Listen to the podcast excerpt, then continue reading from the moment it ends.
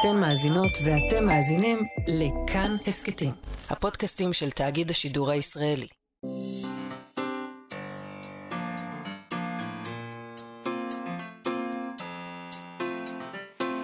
מה שכרוך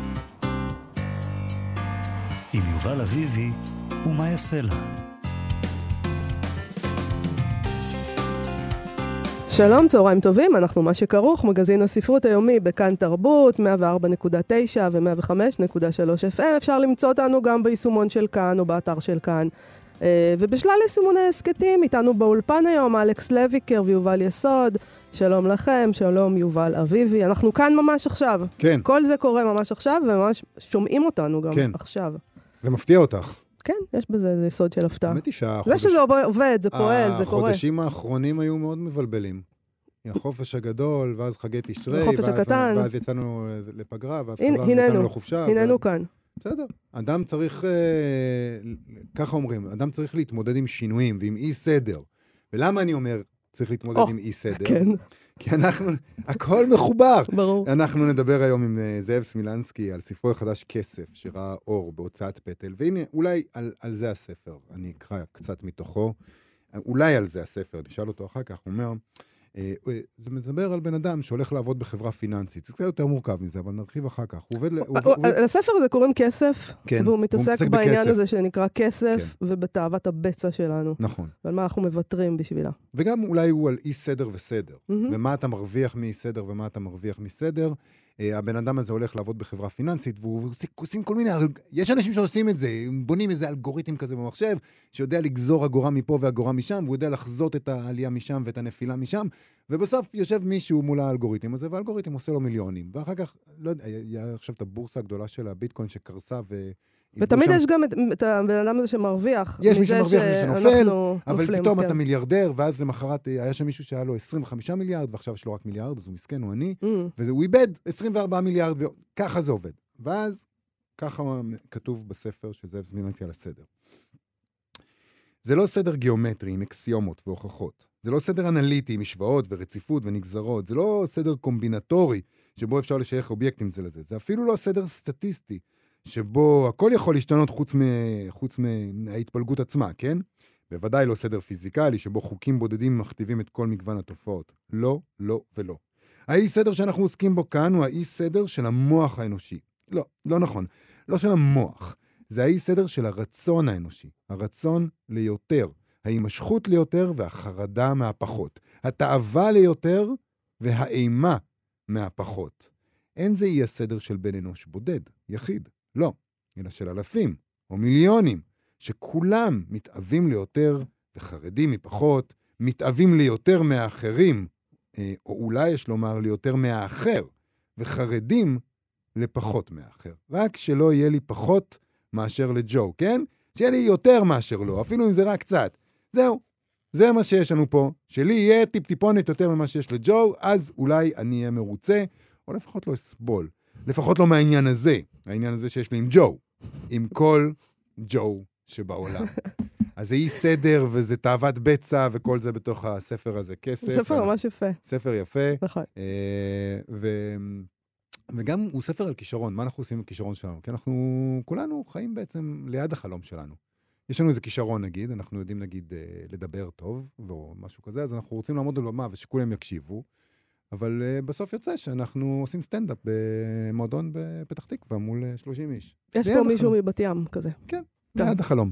אז אנחנו נדבר גם על חלומות ועל כישרונות, ונדבר גם אחר כך עם שלומית עוזיאל שלנו, על דימויים שלא עוזבים את עולם התוכן. מה זה אומר? אה, היא תסביר. אנחנו עוד מעט נבין. אבל אנחנו מתחילים עם שביתה, שאת אוהבת. אני אוהבת שביתה, מאוד. אבל... אה, אוהבת את הרעיון הזה. אבל זו שביתה של סוציאליסטים. בסדר. נו, אל, אל, אלא מה? מי ישבות? כאילו, לא יודע, לפעמים יש פה, אנחנו שואלים את עצמנו מה אנחנו אוהבים. קפיטליסטים שובתים, אתה חושב? או אולי, אולי פשיסטים אה, שובתים. הם. גם לא הסגנון. לא כל כך, זה לא הסגנון. לפני כמה ימים הכריזו העובדים בענקית המו"לות האמריקאית הרפר קולינס על שביתה.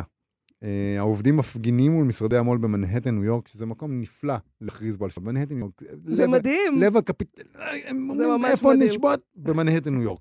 כל זה קורה אחרי משא ומתן שהתנהל בין העובדים להנהלה, העובדים תבעו העלאות שכר ותנאי חופשה טובים יותר, וגיוון בצוות העובדים, נכון. כי כנראה לא מגוון אה, שם. כולם שם- מישראל הראשונה, אשכנזים, כל העובדים. כן. אה, מדובר ב-250 עובדים מאוגדים, מאוגדים, בואו נשים כאן דגש, אה, זה מדהים, אה, מכל התחומים של המו"לות, עיצוב, שיווק, יחסי ציבור, עריכה, מכירות, עובדים. בהרפר קולינס. הם עובדים מח- בלי חוזה כבר מאפריל, כלומר, הם מנהלים משא ומתן בעצם מאז, מאפריל, אבל לא הגיעו להסכמות, ועכשיו הם החליטו שחלאס, הם, הם, הם שובתים. יאללה. זה ממש מדהים. מדהים. כל הכבוד. לפי מה שאנחנו קוראים, המשכורת הממוצעת של העובדים בהרפר קולינס היא 55 אלף דולרים לשנה. מהמם. המשכורת המינימלית שם היא 45 אלף דולר לשנה. כלומר, נגיד משהו כמו 15,675 שקלים לחודש. שזו משכורת נחמדה. זה כן. בסדר, אפשר לחיות מזה. זה, זה הממוצע שם, הממוצע. והם לא מרוצים. לא. Mm. אבל זה ניו יורק. אחת העובדות uh, באוצר אמרה ל-NP- ל-NPR שהסכום הזה הוא לא סכום שאפשר לחיות ממנו בניו יורק סיטי. שזה נורא יפה בעיניי. זאת אומרת, לבוא למעביד שלך, שהמשרדים שלו במנהטן, מנהטן מאוד יקרה, זה נכון, ולהגיד, אוקיי, אני צריכה לעבוד פה, זאת אומרת שאני צריכה לגור פה איכשהו בסביבה, אה, ואני לא יכולה להרשות לעצמי את הדבר הזה, אתה לא משלם לי מספיק בשביל לגור פה בעצם. מוכר לי מאיפשהו העניין הזה. אז נגיד, אתה יכול להגיד, אני גר בתל אביב, זה כן. גם, אתם, זו העיר היקרה בעולם, כך, נכון. כך הוכרז. נכון. אה, אנחנו צריכים גם אה. לטפל בדבר הזה, העלאה ודחוף. בואי נשבות. יאללה. אמ, תראי, אני, אני, אני קראתי איפשהו שעכשיו השכר דירה הממוצע בניו יורק הוא 5,000 דולר לחודש. אז באמת קצת קשה עם 55,000 דולר לשנה, לשלם 5,000 דולר בחודש. נכון. שיגורו בגבעתיים, למה הם חייבים לגור בתל אביב? אמ, אה, בקיצור, אה, עוד, עוד דבר שמטריד אותם זה שהחברה מתעקשת שהעובדים יגיעו למשרד במנהטן לפחות יום אחד בשבוע. יום אחד בשבוע, יום אחד בשבוע. כי התרגלנו בקורונה לעבוד מהבית. זה מדהים. ועכשיו, כשאומרים, אני, יש לי מכרים בחברות הייטק, שפתאום אמרו להם, אתם חייבים לבוא יומיים בשבוע, והם מאוד כועסים. מקומם. הם כועסים. מאוד, כן. ומה שמדהים זה שהם בהייטק, עכשיו פחות, עכשיו יש משבר בהייטק, אבל פעם, לפני שלושה חודשים, מישהו הקשיב להם. כשהיה בועה בהייטק, הם כל הזמן נעים. אני תוהה מתי ההייטק יגיע לאיזה מצב שבו הוא לא בועה ולא קטסטרופה. מתי הוא סתם מתנהל כמו תעשייה. אז היה בועה, אז הם אמרו, טוב, אתם, לא, אתם רוצים שנבוא יום, יום, יומיים בשבוע, אין בעיה, אני הולך לחברה אחרת, שם מציעים שאני אבוא פעם אחת בחודש. והייתה חברה כזאת. הייתה, אוקיי. אה, דובר של הרפר קולינס הוציא הודעה אה, ששם הם כתבו ככה, הרפר קולינס הסכימה לכמה הצעות שהעובדים ביקשו לכלול בחוזה החדש. אנחנו מאוכזבים מכך שלא הגענו להסכם, ונמשיך לנהל משא ומתן מתוך אמונה בטוב. שלי זה היה נשמע טק, טקסט קצת מאיים. למה? החברה מאוכזבת אמפתי. מכך שהיא לא הגיעה. לא, היא מאוכזבת זה... זה נשמע קצת אה, מאפיה כזה, יש לך משפחה יפה, לא כן. חבל? נכון? זה נשמע ככה. אכזבת אתה- אותי. אתה קצת מאכזב אותי. זה, זה כמו, זה מקום כזה שבטח אומר לעובדים שלו שאנחנו כולנו משפחה. כן. אה, וכשאומרים משפחה, אז אנחנו יודעים למה הם מתכוונים, כן. משפחה. אה, מקום שיש לו לב, ולפעמים יש לו גם אכזבות. נכון. מקום עבודה כזה שמתאכזב. כן, אני, האמת היא שאני מדמיין את זה מאיזה סרט מאפיה כזה, שאתה בא אל הבוס, שולחים אותך אל הבוס, והוא יושב שם ואומר לך, אני אוהב אותך, ג'וני. קצת אכזבת אותי. קצת אכזבת אותי. וכולם בחדר יודעים. כן, וג'וני יורד על הברכיים ואומר, אני מצטער, בוס, לא התכוונתי לאכזב אותך. והוא אומר, לא, לא, זה מאוחר מדי, אני כבר מאוכזב. וזהו. ואז דופקים לו משהו על הראש. וזהו. טוב, אה, העובדים השובתים ביקשו מסופרים וסוכנים ועובדים פרילנסרים לעצור כל עסקה חדשה עם החברה. אבל להמשיך לעבוד אם כבר יש חוזה חתום, כי יש להם, אנחנו, לא כן, יש צריך לנו להגזים. אחריות. צריך להגזים. אנחנו לא רוצים למוטט אותם לגמרי. זה מדהים אה, אבל שהם מבקשים מסופרים, כן? זה יכול להיות סופר כאילו איזה... את יודעת, זה לא חייב להיות אה, סטיבן קינג. זה יכול להיות אה, סתם איזה משה זוכמיר מברוקלין, שכתב ספר. שמע, אז משה בסוף זוכמיר מברוקלין, אם הוא מוציא בהרפר קולינס, לא, בכיף. אז הוא כבר לא משה זוכמיר, נלקח ממנו השם. נכון. נכון. הוא הפך להיות ג'וני. הוא ג'ו, עכשיו הוא עכשיו ג'ו. הוא ג'ו, אבל אבל ש- זה ספר ביקורים. עוד אה, עלולים אוקיי. להתאכזב ממנו. אוקיי. זה כל כך מוזר. בעיניי זה, זה ממש קומי שדבר כזה מתרחש באמריקה, שביתה של עובדים, וזה מאוד מנחם אותי ומעודד אותי. ועוד בעולם המו"לות, והם כן. אפילו מאוגדים העובדים, זה ממש אה, כאילו, זה קומוניזם בלב אמריקה. מעניין מתי המקארתיזם שם מתעורר עם הדבר הזה. זה נשמע לי כמו מדע בדיוני. סוגה מעניינת. נכון. אה, וזה כמובן בא לצד הידיעה שדיברנו עליה כאן בשבוע שעבר, על המיזוג בין רנדום האוס וסיימון אנד שוסטר, אה, מיזוג שלא אושר על ידי שופטת פדרלית שם, בגלל שהוא פוגע בתחרות. אה, זאת הייתה גם העמדה של משרד המשפטים האמריקאי. והשופטת אישרה את העמדה הזאת. הם כמובן אמ-הם. אמרו שהם יערערו, אבל זאת אמריקה, אתה יודע, זה הנאו-קפיטליזם, אנחנו למדנו מהם את הכל, והנה, אה, אתה יודע, הם, יש להם מחשבות, כל מיני מחשבות מעניינות נכון. יש שם. תראי, אבל אה, גם אצלנו. ווואלה, מה אתה אומר? אצלנו מה, הממונה על ההגבלים העסקיים יום אחד, אה, גם תחשוב מחשבות אבל. תראי איזה יופי אצלנו, יש לנו ממשלת אה, ימין על מלא, מה שנקרא, עומדת לקום. נו, ובמה היא עוסקת? במתן קצבאות, שזה אקט שמאלני לחלוטין. נכון. זה הדבר המרכזי שעד עד עכשיו שמענו עליו, נכון? סוציאליזם אמיתי. סוציאליזם מטורף, מתן אה, אה, המון המון כסף למשפחות נזקקות, שזה מבורך, מבורך לעזור לעניים. זה מה שממשלות אה, טוב שהצבעת סוציאליסטיות ימין, זה מה עושות. ש... הימין, קיבלת ימין על מלא בסוציאליזם.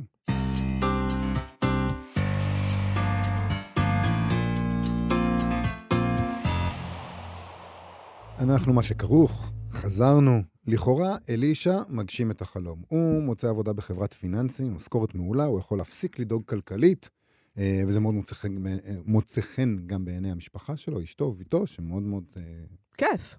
מאוד מגניב. כיף. אני גם הייתי שמח אם מישהו היה מפרנס אותי אה, ככה. או אם היית מפרנס את עצמך ככה. לא, אל תגזים. אני הייתי רוצה לפרנס את עצמי ככה. כן? למצוא, זה, זה החלום, למצוא עבודה כזאת של אה, שמונה בבוקר עד שמונה לא, בערב לא, לא. בחברה...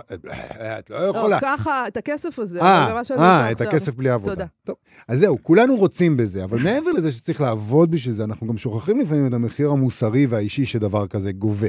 נגיד, אלישע, לדוגמה, היה מעדיף להמשיך לעבוד כאסטרופיזיקאי באוניברסיטה בסיאטל, אבל זה לא מתאפשר לו, או שהוא היה, היה חוזר לאהבה אחרת שלו, הוא אוהב כוכבים. חוקר כוכבים, אבל הוא גם אוהב צמחים. אולי הוא היה חוזר לזה והיה שמח לעבוד בתור חוקר צמחים. זה גם לא מצליח, הוא עובר לניו יורק לעבוד בחברה שכבר מהפרקים הראשונים בכסף, שזה השם של הספר שלו, של זאב סמילנסקי, שיצא בהוצאת פטל, ברור שבחברה הזאת משהו מפוקפק כבר מהפרקים הראשונים, אז גם ברמה האישית אולי הוא היה מעדיף להמשיך לחקור כוכבים ולרדוף אחרי חלום המחקר, וגם ברמה המוסרית צריך איכשהו להשקיט את הצו המצפוני תמורת הביטחון כלכלי, וזה הולך די בקלות בעצם באיזשהו שלב. זאת אומרת, אתה מוצא את כל האפיקים האלה שבהם אתה אומר לעצמך, טוב, זה בסדר, אני לא... אני, אני גם בסדר." מפרנס. אני מפרנס, הכל. יש אשתי מרוצה. אה, נכון. אה, אבל בסופו של דבר, אולי זה סיפור על מה שכמעט כולנו נאלצים לעשות, שזה לרתום את הכישרונות שלנו לטובת משהו שהוא לא בדיוק הביטוי הכי אוטופי של הכישרונות האלה. זה לא הדבר הכי יפה שהיינו יכולים לעשות, ואולי אפילו לא הדבר שהכי היינו רוצים לעשות עם הכישורים שלנו. עם הכישורים שלנו. אנחנו מנהלים חיים אפורים מקבילים לדבר שהיינו רוצים להיות, ורק במקרה גם כל העולם משלם על זה מחיר קטסטרופלי. במקרה. במקרה.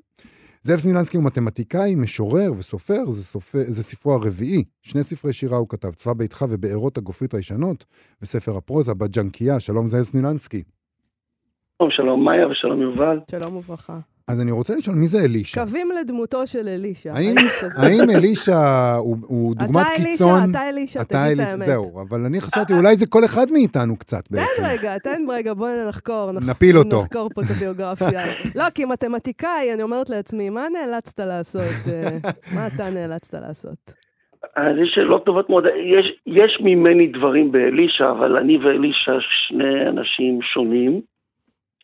אה, ואלישע, זאת אומרת, תמיד כשאני מתחיל לכתוב ספר, הספר מושך אותי. אני, אני, הוא כותב את עצמו במידה רבה. אני ידעתי שאני הולך לספר על מישהו שהיה באסטרופיזיקה ועבר לעסוק במה שנקרא פינטק, אלגוריתמים שבעצמם סוחרים בשוק המניות ומשפריצים כסף, השד יודע לאן. אה, שזה בעיניי, אני חייב להגיד, בצורה נאיבית, בצורה מטופשת, זה בעיניי דבר בזוי. אה, למה זה בזוי בעיניך? למה זה בזוי? זאת שאלה קשה. אני אומר, אה, נתנו לך 70, 80, 90 שנים על פני הכדור הארץ, מה אתה הולך לעשות עם הזמן הזה? אז כבן אדם, כיהודי, כמישהו שניחן באיזשהו כישרון, אני חושב בן אדם צריך לעסוק באיזשהו מובן בתיקון עולם, ולו במובן הכי מצומצם. ואם יש דבר שהוא לא תיקון עולם, זה לפתח אלגוריתמים שסוחרים בשוק המניות ומשפריצים כאילו ולי היה סיפור אישי כזה, אני, הייתה לי איזו תקופה בין עבודות והציעו לי לעבוד באיזה חברת סטארט-אפ שרצתה להחליף פרסומות במגרשי כדורסל. אוקיי. זאת אומרת, אתה צופה ב-NBA, ומסביב על הפרקט יש את הפרסומות האלה, שכתוב נניח קנו אייפון. ורצו להחליף את זה לתצביע בשביל ראש עיריית פתח תקווה. Mm. עכשיו, זו בעיה קשה, כי המצלמה כל הזמן זזה, והשחקנים רצים, ויש צללים, ויש פה ויש שם. אמרתי להם, בשום פנים ואופן לא. אני לא הולך להשחית את הימים שלי על, על דבר מתועב כזה. אמרו לי, אבל מה ההבדל? מה, שעשית קודם היה יותר טוב, אז התחלתי לגרד את הראש. לפני זה עבדתי בחברה שייצרה מכונות בדיקה בשביל מאוד מסובכות ויקרות וגדולות שנמכרו ליצרנים של מסכים אה, בסין, והעלתה את, ה, את הביצועים שלהם מ-92% ל-97%. מה, זה טוב? אז אני יכול להגיד, אני לא יודע אם זה טוב, אבל לפחות מרחפת מאחור, מעל זה איזה תחושה של יצרנות, של פעילות, של משהו מועיל, של משהו תורם, משהו משפר, ולו במובן הכי קלוש, אבל אלגוריתמים שסוחרים באגרות חוב, אני אגיד לך, יש... זה- יש this is not done, אצלי. אני, אני אגיד לך, התחושה כשאתה מסתכל על האנשים האלה ומה שאתה, שהם עושים בספר שלך, לא במציאות, במציאות אני לא, לא נתקלתי עוד בדבר הזה, אבל בספר שלך, זה נותן לתחושה קצת גם שרותמים את הטכנולוגיה לטובת משהו נורא נורא מסיבי, שגורף את כולנו איתו. ואתה יודע, להרוג נגיד חיה, להיות, אה, להיות דייג, זה, זה, יש עם זה גם כן איזושהי בעיה מוסרית נקרא לזה. אבל כשאתה מפעיל, אה, עכשיו יש סירות ענקיות שפשוט גורפות את קרקעית הים, והם רתמו את הטכנולוגיה לזה שהם פשוט גורפים את הכל, וככה דגים, המון דגים, וגם הורסים את כל מה שיש בקרקעית הים, אז אתה אומר לעצמך, זה קצת מזכיר את זה. הם לא דגים, הם לא סוחרים בשוק ההון לבד, הם רותמים את הטכנולוגיה שגורפת את הכל ביחד ועושה מזה, וזה נותן תחושה שרתמו את הטכנולוגיה לטובת איזה הרס הקרקע שעליה כן, אנחנו משהו הולכים. שטני כזה. לא שסחר במניות ידני זה, זה משהו הרבה לא, יותר ממש אה, לא, פורה בגלל זה- ומועיל. לא. אה, אבל, אבל אתם, כאילו, מהשיחה שלנו נוצרת ההרגשה שזה סיפור מוסר, וזה לא סיפור מוסר. זה סיפור על אנשים, זה סיפור על, על בית, מה זה בית, ומה עושים בזמן שהבית שסביבך נהרס, גם באמריקה וגם בפתח תקווה. אה, ואני חושב שלמרות האווירה הפסימית, שכאילו כשאתה לוקח צעד אחורה ומסתכל על הסיפור, זה סיפור נורא, סיפור טרגי, אז יש שם רגעים נורא נורא יפים בעיניי, אה, אה, שאחד מהם זה הסמינר שנערך שם בקומה 62, שבאים כל המתמטיקאים הגאונים של החברה הזאת, ויושבים להקשיב לאחת מה... לעמיתה שלהם, אה, פינית במקור, ששמה סיידלו, שמציגה את התוצאות שלה. ואלה סיטואציות שאני הייתי בהן הרבה כשעבדתי בביולוגיה בפילדלפיה וכל מיני מקומות כאלה. ונוצרת מין אווירה כזאת, היא מדברת נורא בשקט, אז מבקשים ממנה להרים את הקול. אבל היא לא יכולה, היא ממשיכה לדבר בשקט, היא לא מסוגלת לדבר בקול רם. אומרים לה, אל תקריאי את השקפים. תגידי במילים שלך, לקרוא את השקפים גם אנחנו יכולים. אבל היא לא מסוגלת, היא ממשיכה להקריא. עד שהיא מגיעה לאיזה שקף שאומר משהו ממש יפה, שאם אתה ניחשת נכון, תקבל איזה גרף שיש לו צורה מסוימת. ואם ניחשת לא נכון, תקבל כל מיני דברים אחרים. ואז כאילו היא עוצרת לרגע, ופתאום איזה רגש עולה, שכשמה- כמו, שאתה עומד מול איזה תמונה יפה נורא במוזיאון, או שאתה נתקל באיזה אמת אה, משיבת נפש כזאת. בחוץ יורד הגשם וזה, אז כאילו הספר הוא סיפור, זה סיפור. אז כן, גם אלישע. גם אלישע עושה את זה, נכון? גם הוא מוצא את היופי או את התשוקה בתוך הדבר הזה, אבל אתה יודע, כולנו, ופה אני באמת נכנס לעניין הזה שאולי זה משל על כולנו. כולנו, היה לנו איזה חלום להיות משהו, להיות מיק ג'אגר. ובדרך גילינו שאנחנו לא יודעים לשיר, אבל אנחנו יודעים לזמזם. ואנחנו מוצאים איזה מקום לזמזם בו, ואנחנו מוצאים את היופי בזמזום. אז נכון, זה לא מול 100 אלף איש ב... ב- ומבלי. כן, בוומבלי, אבל אנחנו מוצאים, אנחנו מגלים שהחיים שלנו הם דבר אפור וקטן, ומאוד מאוד שונה מהערכים אולי שגדלנו עליהם, אז אנחנו מוצאים בדבר הזה יופי, אנחנו מאלצים את עצמנו למצוא יופי גם באלגוריתמים ה- הזדוניים. לא, השאלה היא על מה מוותרים. אבל, אבל כאן זה לא בדיוק ככה, קרה לו בדיוק מה שאמילי אשתו אמרה לו. אמרה לו, מה ההבדל כוכבים, כסף? בסוף זה מספרים, זה כן. דאטה, ואתה תתפלל למצוא שהאלגוריתמים שפיתחת בשביל הכוכבים גם יעבדו בשביל כסף, וזה בדיוק מה שקרה. לא עברו שלושה שבועות וכל הראש שלו היה בתוך המספרים האלה של האגרות חוב איך הן עולות ואיך הן יורדות ומה מניע אותן ואיזה התפלגויות יש להן וככה וככה וככה והוא רואה שהוא יכול לעשות יותר טוב מההוא שגר שם בקליפורניה בחור הזה המשונה שלו ואוכל מזון של חתולים אה, והוא שוקע בזה, הוא אפילו לא מרגיש שסגרו את שדה תעופה ניוארק כי הפציצו את בית המושל אה, והוא, והוא נחת בקנדי. זה, אה, זה עוד דבר. בור, ואז הם בורחים לארץ, כי הוא חושב שאולי בארץ זה בית, אבל כשהוא מגיע לכאן המצב עוד יותר גרוע. אז זה בדיוק הדבר, החברה הזאת שאנחנו אה, מדברים עליה, היא בעצם מרוויחה מאי סדר. דיברנו ככה בהתחלה, שאי יציבות ואי סדר זה משהו שמועיל, והרבה פעמים באמת יש אנשים שמרוויחים מקטסטרופות. החברה הזאת לגמרי. הכי, הכי רווחית הייתה ב-2008, כשהכל קורס. זה דבר אמיתי, זה לא המצאת. נכון, יש אנשים ש... מה? להמר על השורט, ככה זה נקרא, נכון? לא יודע. זאת אה, אחת הדרכים, יש הרבה דרכים. ויש עניין כזה של סדר ואי סדר. ובעצם, מה, מה אתה רוצה? אתה רוצה שהחיים שלך יהיו מסודרים מצד אחד, אבל אתה מרוויח מאי הסדר, אתה מרוויח מקטסטרופות, אתה נורא רוצה להיות מסודר, נכון? אתה רוצה להיות מסודר כלכלית ברמה האישית, אבל אתה, החיים הם כאוטיים, אתה מרוויח מהכאוס הזה. אמ, ובעצם אה, לא הייתה לאלישע בכלל ברירה, אנחנו מדברים על האם רצה או לא רצה, מה הוא היה אמור לעשות? העיפו אותו מהאוניברסיטה. מה הוא אמור לעשות? החיים שלא נכנסו לכאוס, והוא מצא בהם את הסדר. אלישע עצמו היה יכול להסתפק בפת חרבה וכוס מים, אבל יש לו את אמילי אשתו הנפלאה, והיא כל הזמן רוצה. היא רוצה דירה, והיא רוצה בית ספר לילדה, אפילו שהילדה לא אוהבת את הבית ספר הזה, הוא מפואר מדי בשבילה. היא רוצה ורוצה ורוצה, והוא מוצא את עצמו במקום הזה, והוא אפילו לא מתעניין בכסף. הוא, הוא חושב בשלב מסוים, הוא אומר, מה זה כסף? כסף זה מין הפרשה של אנשים, מין תוצר לוואי של הקיום שלהם, כמו הפרשות אחרות שלנו. בגלל שהם כל הזמן רוצים ורוצים ורוצים, אז הם מפרישים כסף. זה המחשבה שלו על העניין. כסף לא מעניין אותו. מעניין אותו התוכנה שלו, שהיא תעבוד. וזה מזכיר לנו הרבה דברים באמת. אבל אנחנו מדברים כל הזמן על המוסר, ובאמת... אה, אני רוצה לא, לשאול לא... אותך, למה כשהוא חוזר, אמרת, הוא חוזר לפה, אה, חוזר לארץ אה, מהברדק שם, והוא חושב שכאן יהיה בית, וזה לא בית. למה זה לא בית פה? אה, טוב, זה סיפור, אבל אני חייב להגיד שלי עצמי, המקום הזה שאני נולדתי בו, ואבא שלי נולד בו, וסבא שלי עלה הנה בגיל 16, הוא מרגיש פחות ופחות אה, כמו בית. אה, אה, אני מסתכל לפני 30 שנה ו-20 שנה ו-10 שנים ולפני שבוע והיום, אה, אה, הארץ הזאת, האנשים כאן, יש להם דברים נהדרים ונפלאים, ואומנות ומדע ורפואה ואהבה וכל מיני דברים, אבל המדינה כמדינה היא, היא, היא כבר לא בית הרבה זמן, והיא יותר נראית כמו אויב מ- מיום ליום יותר, אה, אויב שצריך להילחם בו ולא להסכים איתו. זו תחושה כללית אה, שלי ובטח של הרבה אנשים נוספים, אבל אלישע לא היה כאן 15 שנה. אז הוא חושב שעוד אה, זה מה שהוא זכר.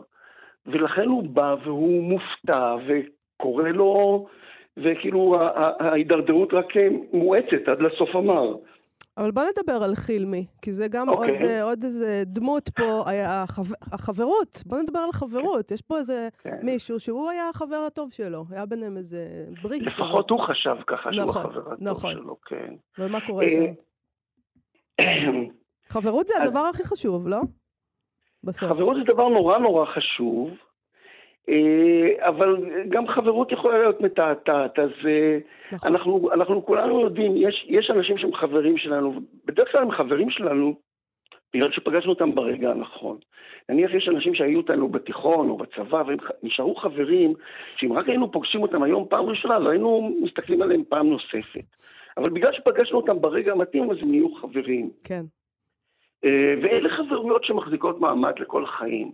אז אם אתה פוגש מישהו באוניברסיטה, ויושב איתו על הדשא, ואפילו מישהי חושבת שאתם אחים, למרות שאתם לא דומים בכלל, ואתם יושבים אה, ביחד ומקשיבים לאותה מוזיקה, וחילי מלמד אותו להכין את הגרגזים המופלאים האלה, שמשנים לו את המוח, אז אפילו שלא דיבר איתו אחר כך 15 שנים, הוא בטוח שהנה, החבר היחיד שלו בעולם, הוא ימצא אותו. הוא, הוא נמלט הנה לישראל מהבלגן בארצות הברית, וחלק מהעניין שהוא חושב שזה בית זה שהוא ימצא את חילמי. כן.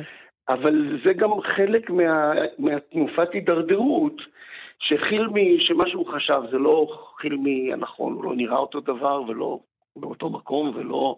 ומה שקורה שכאילו זה הסוף שלו, זה שהוא פוגש את חילמי, אבל אני עושה ספוילרים, זה לא בסדר. זהו, אנחנו נעצור, נעצור, כן. ניזהר עם הספוילרים, אבל אני רוצה לשאול אותך, להגיד לסיום, לשאול אותך, בעצם אתה, אתה אומר לנו, אני לא רוצה שיתברר כאילו זה מעשייה על מוסר, ובסדר, אבל אני חושב שהרגשתי כשקראתי בספר ש...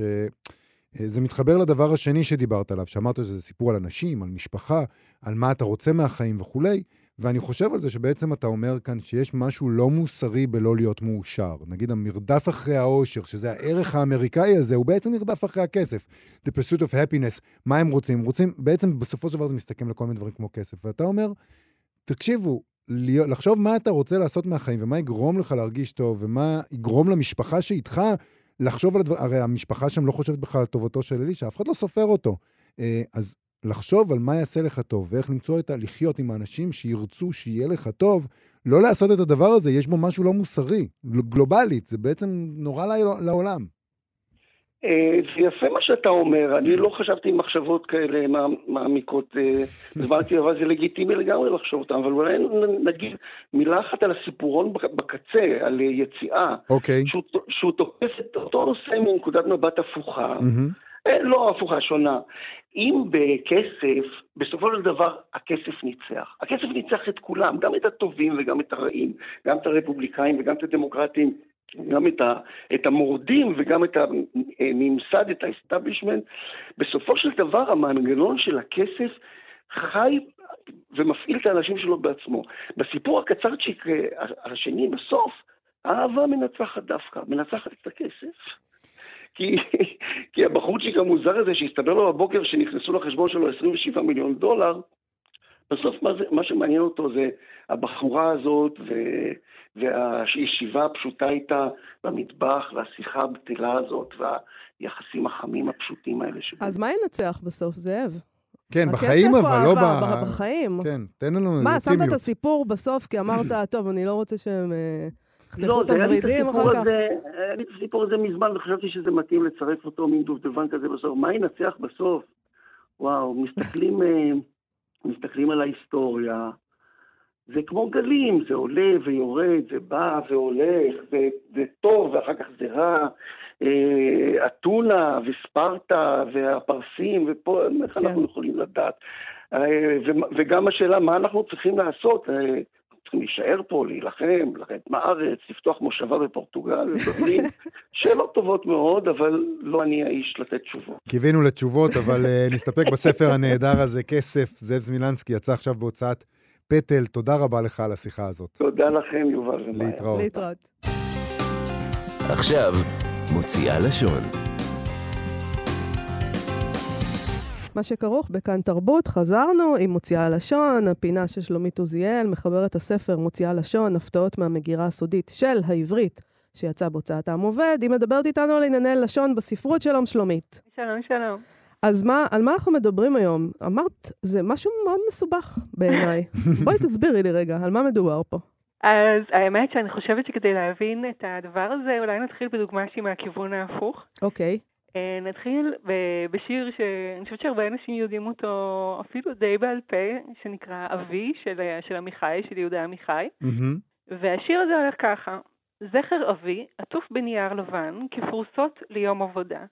כקוסם המוציא מכובעו ארנבות ומגדלים, הוציא מתוך גופו הקטן אהבה. נהרות ידיו נשפכו לתוך מעשיו הטובים. עכשיו, שיר כמובן נפלא, וממש בשורות ספורות יש לנו שלושה דימויים שונים, כל אחד מעולם אחר לגמרי. יש לנו את הזכר של האב שעטוף בנייר כמו סנדוויץ' בעצם, יש לנו קוסם ששולף ארנבות, ויש אה, נהר, כאילו ידיים שהן כמו נהר.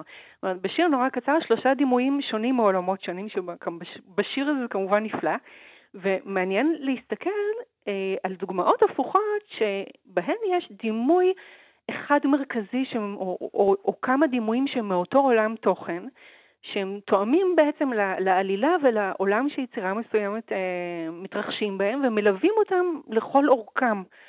וממחישים את נקודות המבט שביצירה הזאת ומעניקים לה עוד איזה, עוד איזה רובד ומהדהדים אותה. ונדגים. בבקשה.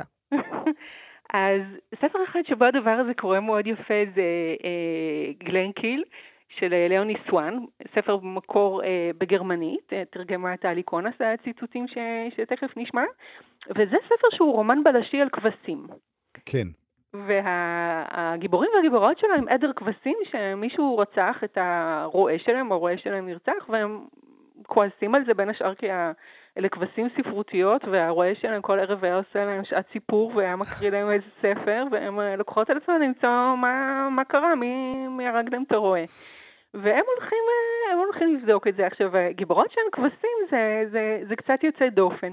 ואחד הדברים שהם ממחישים לנו בקריאה של, ה, של הרומן, של הספר, ש, שבאמת יש לנו פה כבשים, כבשים ספרותיות, בסדר, אבל כאילו שאלה, ולא בני אדם שכאילו הם מתחפשים, כאילו שבעצם הדמות, כדי, כדי להמחיש לנו את דמויות הכבשים האלה, אז אחד הדברים שיש לנו זה דימויים שהם כאילו מעולמן של הכבשים, דברים, הן משוות את הדברים שהן רואות ומנסות להבין אותם לצמר, לעשב, לכל מיני חרקים, לטלאים צעירים. אמ, כלומר. נגיד, במקום להגיד, אה, אה, להשתמש בביטויים שהם מעולם, מהעולם האנושי, כמו שאנחנו אומרים, יד רוחצת יד, או דברים כאלה, הם יגידו משהו מהעולם שלהן. כן, בדיוק. ולמשל, יש קטע שבו אישה שהיה לה, הייתה סוג של החברה של הרועה הזה המת, אז הם, היא באה, היא עומדת מול גופתו המתה, והיא פוצחת בזעקות, ואז כתוב, כמו שני חרקים מבולבלים, נדדו ידיה על סוודר הצמר.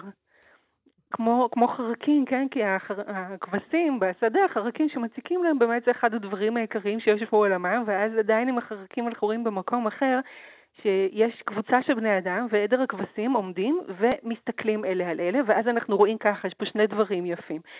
אה, עדר בני האדם ועדר הכבשים עמדו זה מול זה, מבטיהם של בני אדם התרוצצו על פני הכבשים כמו קינים על, על האור.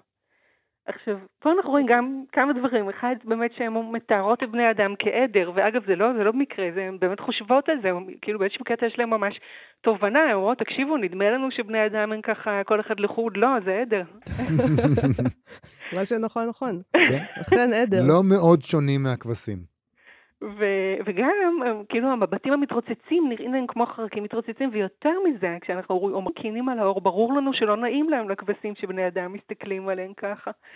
ויש, והן גם משוות את עצמן אליהם כמובן, כשאנחנו, כשאת מדברת על האישה הזאת, אז היא מעבירה את היד שלה על הצמר, היא בעצם, שוב, היא מעבירה, היא כמוהן, גם עליה יש צמר עם חרקים אה, כן, אה, יש להם, אה, הן מאוד גאות בצמר שלהם, והאמת שהן גם, גם אומרות, כאילו באיזשהו קטע שיש להם דיון פילוסופי מיהו הרועה הטוב, הן אומרות, הוא לובש רק צמר של הכבשים שלו, ולא כמו הרועה שלנו שהיה לו את החיסרון הזה שהוא לבש סוודר מצמר של כבשים נורבגיות. מי עושה דבר כזה? באמת, חוסר נאמנות נורא. כן, בוטה, בוטה. ו... ובמקום אחר יש, גם כן נשמע לי שמאוד יפה, הם מרגישים, הן עומדות, הם עומדות על במה, הכבשים, כי הן רוצות לעשות איזו הצגה לקהל של בני אדם, ולה, ולה, ולהעביר להם את המסר מי לדעתם רצח את הרועה, והן מרגישות שהעיניים של הצופים נעוצות בהן כמו קרציות בפרווה. העניין הזה שבני האדם קרציות בפרווה וחרקים בצמר, אה, הוא בהחלט פועל. אה, הם העבירו את הנקודה שלהם, ואז אה, יש, יש להם עוד כמה דברים יפים פה, יש מקום שהן מסתכלות על אנשים שמביטים אחד לשני, גברים שמביטים אחד לשני מבטים מאיימים, והן אומרות, הם נעצו מבט כמו שאיילים מביטים זה על זה לפני דו-קרב. זאת אומרת, באמת הן אומרות, נראה להם שהם יוצאים להילחם. ויש קטע אחר שאחד הכבשים מבקש מהכבשים האחרים לעזור למישהי, לא, לא נספיילר למי, הוא, הוא, הוא, הוא, הוא אומר, הסייה הזאת צריכה עזרה, זאת אומרת, הטליה הקטנה, כן? כמו שבני אדם לפעמים אומרים על חיות כשהם רוצים לקרב את ליבנו אליהם, הם קוראים להם הילדים או התינוקות, נכון? אומרים את זה על גור, או אומרים על החתולים הילדים שלי וזה, אז כאילו אומרים, הם רוצים לעשות גם כן אותו דבר, אז הם אומרים, בואו נעזור לסייה הזאת. אז הם עושים להם הק, הקבסה. הקבסה, בדיוק, הם עושים להם הקבסה. ו- ועוד דבר שמאוד יפה, שיש, איך אנחנו אומרים בעברית הרי ענני כבשים, נכון? עננים לבנים. כן. Uh, הספר תורגם בגרמנית, אני בדקתי גם בגרמנית, uh, יש, uh, אני מתארת לי גם שיש כבשים? קשר. ענני כבשים, כן, שפשן וולקן, אני חושבת, ענני כבשים, ובאמת הכבשים הן מסתכלות על העננים והן מתארות אותם כעננים צמריריים, זאת אומרת הן מזדהות איתם, חושבות שהם דומים להם, והן גם חושבות ההפך, שהן בעצמן נראות כמו עננים. הן אומרות בקטע מסוים, הכבשים עמדו להם באחו פזורים בערבוביה כמו עננים כחולים אחוזי פליאה. זאת אומרת, הן מאוד מזהות את עצמן עם העננים, ויותר מזה, יש להם, הן אומרות, האגדה מספרת, כשהן מנסות להבין למה העננים דומים לכבשים ככה, הן אומרות, האגדה מספרת שעננים אלה אינם אלא כבשים שנדדו להם יום אחד מעבר לצוק, כבשים נבחרים שהמשיכו לראות בשמיים, לראות בשמיים. אה, וכאן יש לנו הדימוי הולך ומתגלגל וממשיך הלאה, ובעצם יש פה ממש מיתולוגיה של הכבשים, אה, איזו כבשה תזכה לעלות לשמיים, זה כמובן מהדהד את ה... כן, גם אצל בני אדם יש אני עלייה תוהה ל- מה את חושבת, האם המחויבות הזו לעולם הדימויים הזה, שמראה שבאמת לכבשים יש עולם רגשי ועולם תוכן מאוד מאוד עשיר, שיש להם את הדימויים האלה בתוכן, האם הדבר הזה אה, יוצר הרחקה מהאלגוריה, או, או העצמה של האלגוריה? כי הרגע אנחנו קוראים תמיד ואנחנו חושבים שזה עלינו. נכון? הרי הוא לא כתב על חברה של כבשים, הוא כתב אלגוריה על בני האדם. אז האם העובדה שהוא יוצר עולם כל כך שלם, שנוצר עולם כל כך שלם ב- בספר הזה, האם זה מרחיק מהאלגוריה או מקרב אליה?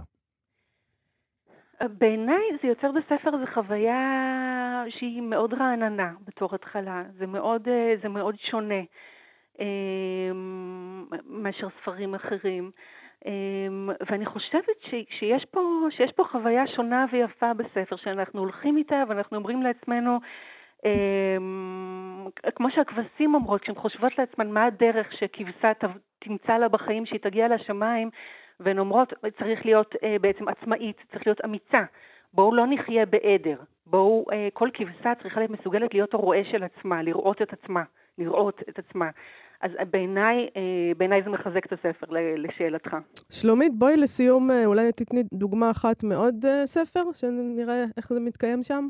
אז ספר, ספר מאוד יפה שיש בו דבר כזה, הוא, הוא מלאכים וחרקים, בתוכו הנובלה מורפו יוג'יניה של A.S. בייאט, סופרת אנגליה, שבה הגיבור הוא חוקר טבע בתקופה הוויקטוריאנית, ספציפית חוקר חרקים, והוא משווה את, ה, את הנשים מה- מהמעמד הגבוה לפרפרים עדינים וססגוניים, ואת הנשים, הנשים מהמעמד הנמוך משרתות אה, דומות בעיניו לחיפושיות שחורות. גם את הגברים, הוא אומר, הם לובשים בחליפות השחורות שלהם דומים בעיניו אה, לחיפושיות עם שריון שחור. וככה אנחנו מתחילים את הספר, וככל שאנחנו מתקדמים בו, אנחנו מגלים עם הזמן שאולי דווקא הנשים מה- מה- מהחלק העשיר של החברה, אה, הפרפרים העדינים כביכול, הם אינם אולי כל כך עדינים כמו שהדימוי הזה אומר לנו, אולי דווקא, אולי דווקא החיפושיות, ושגם הגברים שהם כאילו בשריון, אולי הם לא דווקא חזקים וחסינים כמו שהדימוי הזה אה, רומז לנו. זה יפה מאוד, אה, שלומית עוזיאל. מפתיע תמיד לגלות לאן הלשון יכולה להוביל אותנו בפינות שלך. תודה רבה על השיחה הזאת. תודה לכם, ביי ביי.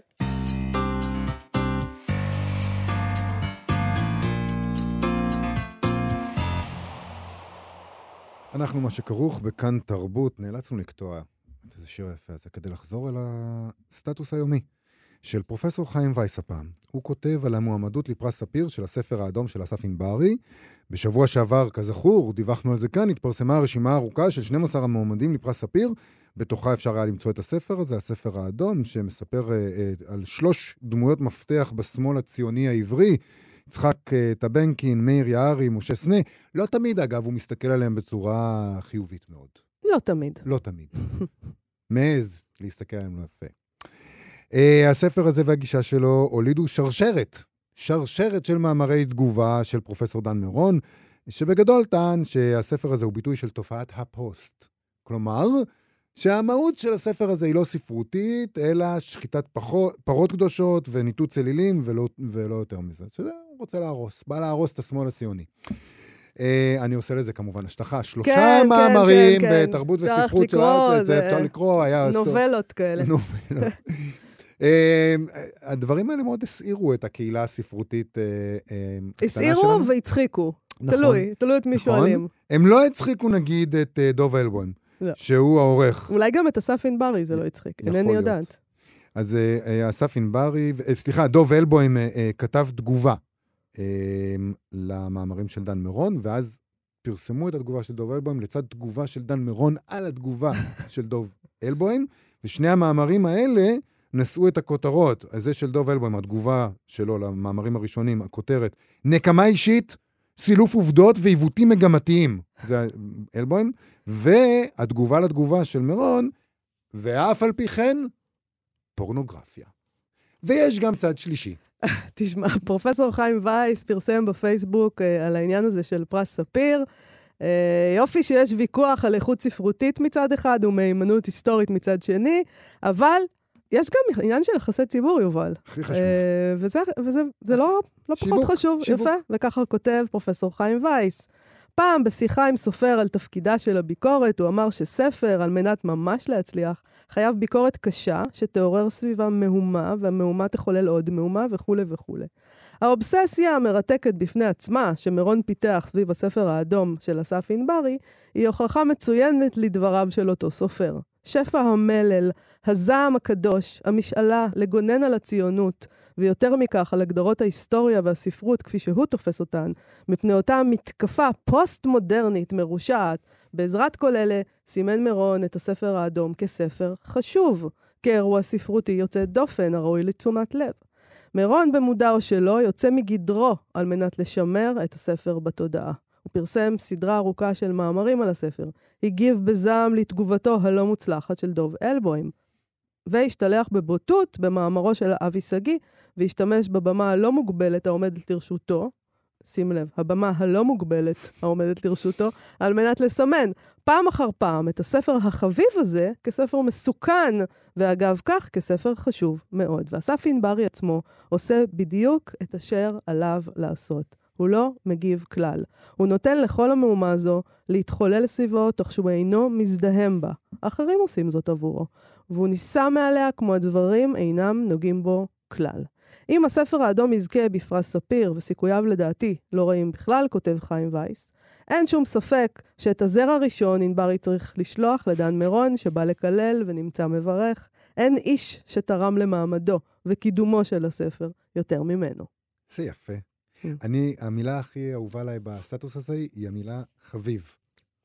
חביב. חביב. Mm. כי ניכר גם מה, לכאורה, אני לא יודע. לא דיברתי ולא שאלתי ואני לא יודע, אבל ניכר, לדעתי, הספר מה, החביב הזה. מה באמת פרופסור חיים וייס חושב על הספר. הוא בכל מקרה, תראה, הוא, הוא אומר הספר החביב הזה כספר מסוכן. כלומר, הוא שם את החביב מול המסוכן. כן. כלומר, הוא בא לומר, אני לא יודעת מה הוא חושב על הספר, לא, אבל... הוא שם את החביב מול המסוכן וחשוב. כן. אז יכול להיות אולי שחביב זה לא הוא- חשוב. הוא לא חשוב ולא מסוכן. יכול להיות שלא. אוקיי, בתגובות מוזכרת גם הביקורת החריפה של דן מירון על נוצות של חיים באר, לפני איזה... בתגובות אצל חיים וייס. כן, כן. לפני מהמם. איזה עשרות שנים כבר כן, זה היה. כן. אה, הוא קטל אותו. זה, יש איזו מיתולוגיה סביב הדבר הזה, שהוא היה, בש, בשבוע הספר הוא הלך לטלוויזיה ואמר, אני לא אחזור על מה שהוא אמר, אבל... למה לא? למה לא? מה, נדמה לי שהוא אמר משהו בסגנון של אה, אה, הספר הזה לא ראוי למאכל כלב או משהו כזה, אה, אבל אני לא בטוח נחמד. שאני זוכר בדיוק את הדבר, או שאני כבר זוכר הרוח. את הפרפרזה של הפרפרזה של הפרפרזה שעשו אוקיי. על זה. בכל מקרה, אה, על כך כותב חיים וייס באותו ערב, זה היה בשבוע הספר, בו מירון השמיע את ביקורתו על חיים באר, נמכרו אלפי עותקים של הספר והמהדורה על זלה. אולי זה הכישרון הגדול של דן מירון, להביא להצלחה גדולה של מושאי הביקורות השליליות שלו. ואולי לכאורה, לכאורה הם משתפים בכלל פעולה. זה יכול להיות אה, קונספירציה של אה, וואו. יחסי ציבור נהדרים. Mm, דן מירון ואסף ענברי, כן. רוקמים מזימות, הם כן. יושבים להם שם בקיבוץ. יד רוחצת יד. בחדר אוכל. ראובן נווה מביא בתגובות את הסיפור של אפרים קישון, עלייתו המסחררת של בן ציון ריגלר. נקרא איזה פסקה על, ה, על הבן ציון ריגלר הזה. הוא אה, אמור לזכות הוא בפרס. אמור לזכות בפרס, והוא לא. זוכה בו יותר, הסופר הזה, נכון? למחרת היום הופיעו עיתוני הבוקר בכותרות ראשיות מסודרות באותיות של כיבוש הלבנה על אודות אי מתן הפרס. ריפורטרים קלי רגליים כיסו את המאורע בכתבות מיוחדות. תחנות הציבור החלו לטחון במלוא הקיטור. אנשים אינטלקטואלים, שאין זה מטבעם להיכנס לקלחת הפולמוס הספרותי, מכיוון שהם אף פעם לא קוראים ספרים, התחילו להמטיר על המשורר הנפגע את אותות הערכתם למכביר. אנשים פשוטים וזרים לגמרי ניגשו אל הסופר וטפחו על גבו בזה הלשון. שמע, הם אידיוטים. בעיתונות הסואנת בלט כתב פלסתר חריף בשם מה? פרס ולא לציגלר? בו עשה המבקר שמות בשופטים בכנותו אותם אביונים רוחניים. לבסוף נאלץ גם שר התחבורה להרים את קולו נגד העוול שנעשה. דעת הקהל התעוררה. רבבות למדו לראשונה שקיים פרס ביאליסטוק בארץ. מאות אלפים גילו את הסופר והחליטו לקרוא את ספרו. שניים גם קנו אותו. זה נהדר. תארי לעצמך מה יקרה אם הוא לא יזכה בפרס אם ככה. או-אה, או, אז. זאת תהיה ההצלחה האמיתית של הספר האדום, ועם זה אנחנו מסיימים את התוכנית שלנו להיום. תודה לאלכס לויקר על ההפקה, ליובל יסוד על הביצוע הטכני. בואו uh, לבקר בעמוד הפייסבוק שלנו, יש לנו אחד כזה. חפשו מה שכרוך בפייסבוק. נהיה פה מחר. להתראות. להתראות. אתן מאזינות ואתם מאזינים לכאן הסכתים, הפודקאסטים של תאגיד השידור הישראלי.